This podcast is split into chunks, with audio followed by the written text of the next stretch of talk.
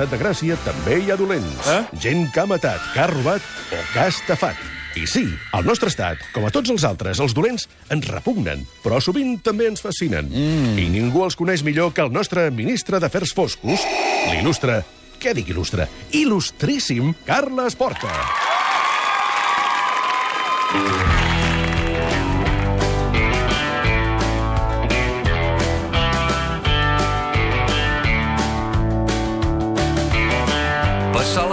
el maleter d'un Mercedes verd i atrotinat. Doncs ja som al segon capítol d'una història de mitja tarda que ens ha dut ni més ni menys que a la capital de Tailàndia. Carles Porta, bona tarda. Bones, bones, bones. A Bangkok, 5 milions d'habitants i un riu que creua la ciutat. Aviam, fem un breu resum del que vam explicar la setmana passada. Ens traslladàvem a la riba precisament del riu, del riu que travessa la ciutat al Chao Prai, a Bangkok, on es va trobar un cos esquarterat que pertanyia a David Bernat, un home de 39 anys de l'Albi, un poble de 800 habitants de la comarca de les Garrigues. Primera hipòtesi de la policia apuntava en principi cap a la màfia xinesa, però al descobrir que la víctima era espanyola, van redireccionar les investigacions. Ara què fan? Doncs creuen que els responsables del crim són segurament una banda d'estrangers que haurien tingut ajuda de locals, és a dir, de tailandesos. Aprengué el calavera a saltar prets i obrir candau. Amics i coneguts de la víctima sabien que feia dies que David Bernat havia desaparegut i també se sabia que algú havia intentat suplantar-lo enviant missatges de mòbil a la seva germana. Però què passava? Que aquest algú feia massa faltes d'ortografia. La germana se'n va donar i ho va denunciar. Però el que més va sorprendre els amics del David Bernat va ser que al mateix temps que va desaparèixer la víctima, també va desaparèixer un altre ciutadà espanyol. I aquí ens vam quedar. Ens vam quedar aquí, Carles. Sí, senyor. Dues desaparicions simultànies de dos ciutadans de la petita comunitat espanyola de Bangkok. L'un va aparèixer mort, però i l'altre? Però abans de saber-ne els detalls, m'haureu de permetre que viatgem una mica més enrere en el temps i anem a un altre país per contextualitzar millor aquest relat. Sobretot per contextualitzar els personatges importants d'aquest grup d'espanyols que es movien al voltant de David Bernat a Bangkok. Aquest serà un cas complicat, amb diverses ramificacions i personatges, i haurem d'aturar-nos a analitzar amb lupa moltes coses. Per això, molta atenció, a veure si aconseguim que ningú es perdi. Van trobar el cos del David a finals de gener del 2016. Ara anem a la nit del 12 de setembre del 2015, sis mesos abans que trobessin el cos del David. Anem concretament a la ciutat de Phnom Penh, o Phnom Penh, no sé exactament com Mhm. es pronuncia. La capital de Cambodja, sí. Ah, això mateix, la capital de Cambodja, país que té frontera amb Tailàndia. Estem al setembre, com sempre, fa molta calor. Són dos quarts d'onze de la nit i dos estrangers deambulen per la ciutat buscant algun lloc on menjar.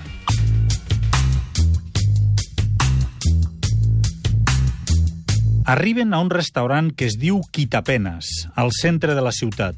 El propietari és un malagueny que, a més de ser l'amo del restaurant, també escriu llibres i es diu Joaquín Campos.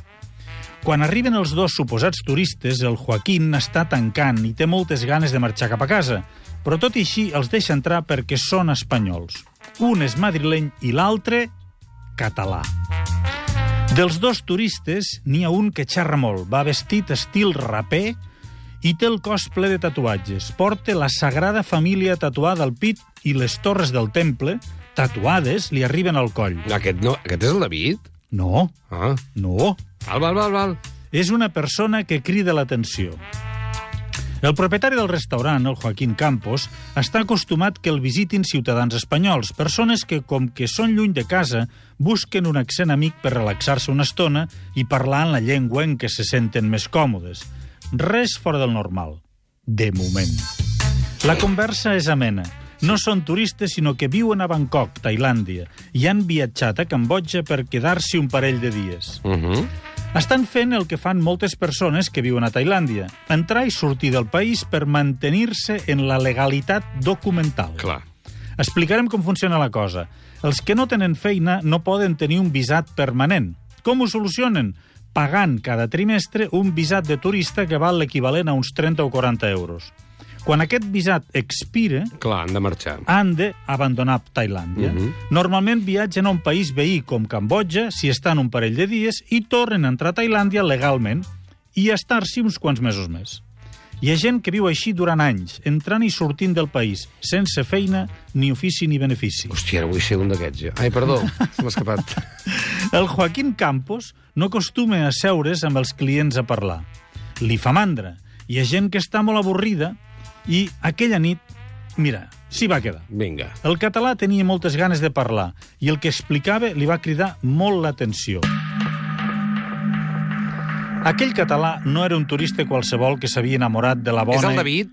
No, Ah, aquest català no és el David. D'acord. I estem sis mesos abans de que trobessin Ja, el ja, David. ja, no? ja, ja, ja. Aquell català no era un turista qualsevol que s'havia enamorat de la bona i barata vida tailandesa, sinó que s'havia vist obligat a viure allà. Ostres, Per què? per drogues. Ara ho sabrem, uns minutets. Joli. Ja anem, ja anem, ja anem. Val, val, val. Anem a pams. Perquè aquell 12 de setembre de 2015, el que més interessava a aquell jove que parlava dels, pels descosits era una cosa. Buscava una casa, un lloc on poder viure tranquil i segur, un apartament amb vigilància 24 hores, un lloc on no el poguessin trobar i matar-lo. Hosti, noi. Per què un paio que semblava tenir uns 35 anys buscava un lloc on viure tan carregat de seguretat en un país sense llei? Joaquín Campos, el propietari del restaurant, ho explica així. Quería preguntarme sobre la posibilidad de, de quedarse, de esconderse en Camboya, ¿no? Entonces eh, me hizo unas cuantas preguntas, eh, la, la cosa fue profundizando y bueno, yo, yo también me llamó la atención el que esta persona pues estuviera, estuviera indagando de una manera muy clara para, para, para mantenerse oculto, ¿no? Entonces mo- un momento en el que le pregunté, bueno, ¿de, de- qué te escondes? Y me dijo que era prófugo de la justicia española por unos delitos que había cometido y que estaba en Tailandia desde hacía un tiempo y que, y que no podía volver a que no podía volver a España. Uau.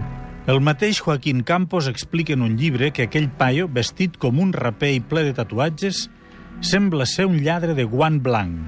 Aquí, fins que no el van enxampar, li van anar molt bé, i molt, molt i molt bé les coses, robant i estafant a Espanya, i sobretot a Catalunya.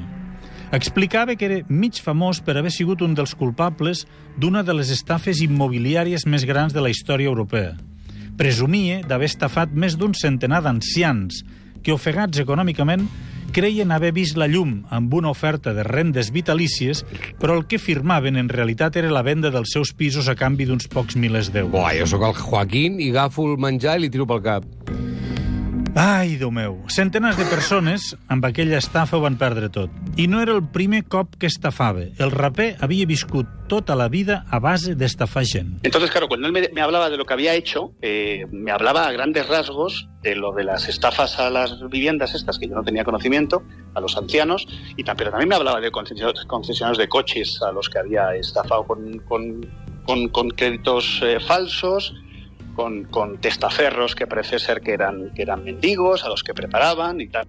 A veure si serà mentida tot això que explica, també. Bueno, per això no estic donant noms massa concrets, perquè mm, amb aquesta història hi ha un fum de fantasma No.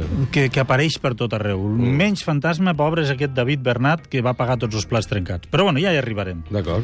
El Joaquín Campos, el Joaquín Campos, es va passar El tot el, cuiner, vespre... eh? El cuiner. El propietari del Sí. restaurant, sí senyor. El quitapenes. Ah, exacte. Es va passar tot el vespre intentant calibrar si al davant tenia un estafador o un fantasma. En aquell moment no ho tenia clar. El raper seguia amb el seu relat.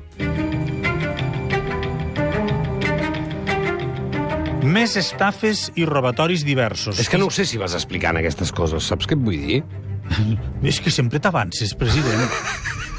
I segons ell mateix explicava, Sí. quan tot allò va esclatar, va haver d'abandonar Espanya de pressa i corrents, sense temps ni per fer les maletes. Aviat sentireu per què és important que parlem d'aquesta història en relació amb la mort del David Bernat. A veure, sí. Aquell català amb la Sagrada Família tatuada al pit i al Que coll S'ha de ser hortera, també. li va explicar al propietari del restaurant, quan veguis fotos, fliparàs.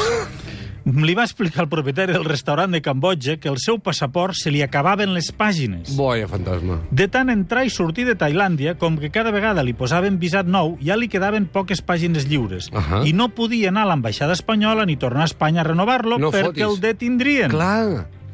Això volia dir que en pocs mesos es quedaria sense identificació i ja no li serviria el truc d'entrar i sortir de Tailàndia. Hòstia, m'està interessant molt el cas d'aquest senyor que se li caben les pàgines, però què té a veure això amb el David Bernat, que el van trobar mutilat al riu de Bangkok? Ara hi anem, ara hi anem, un moment, un moment. Primer el context.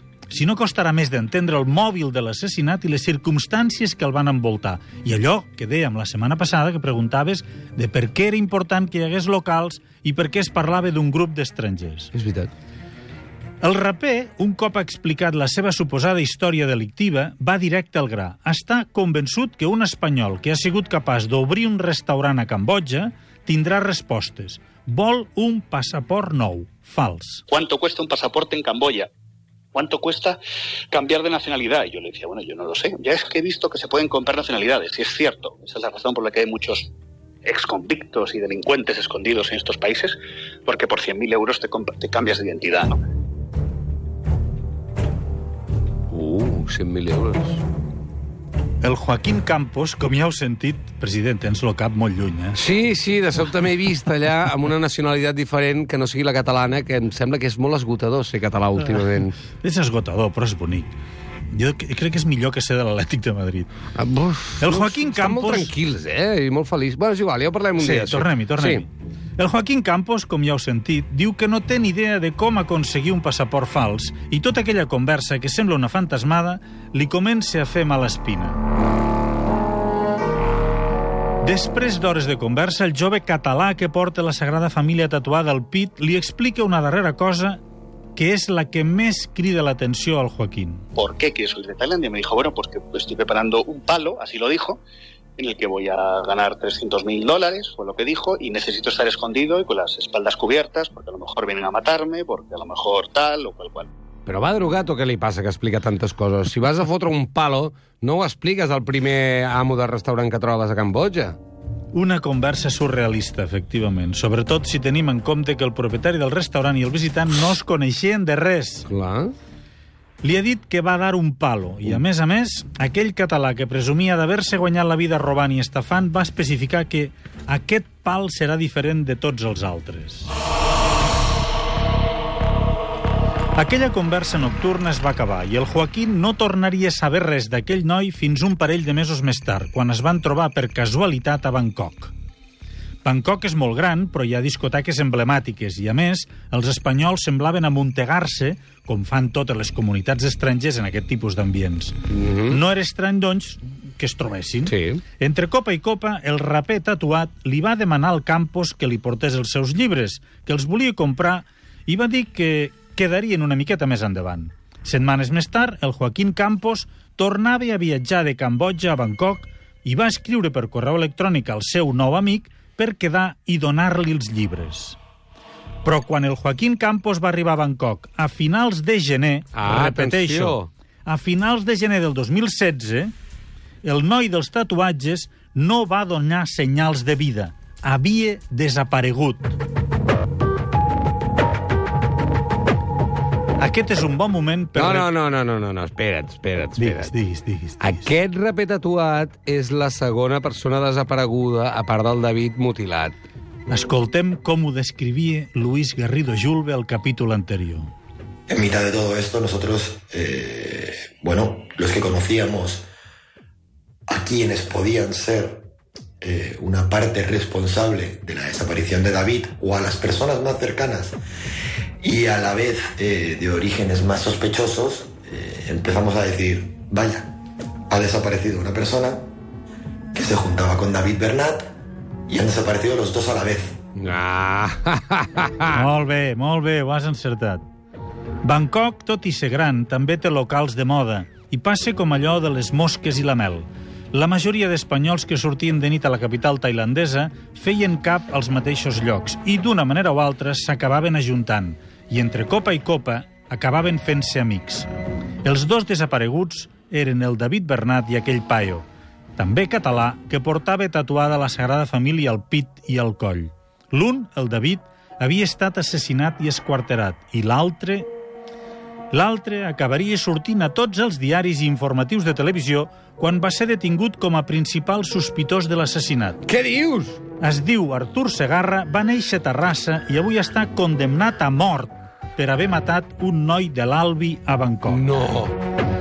Però els detalls que uneixen les dues històries els explicarem la setmana que ve. I potser tindrem alguna sorpresa. T'ho diu. Moltes gràcies, Carles Porta.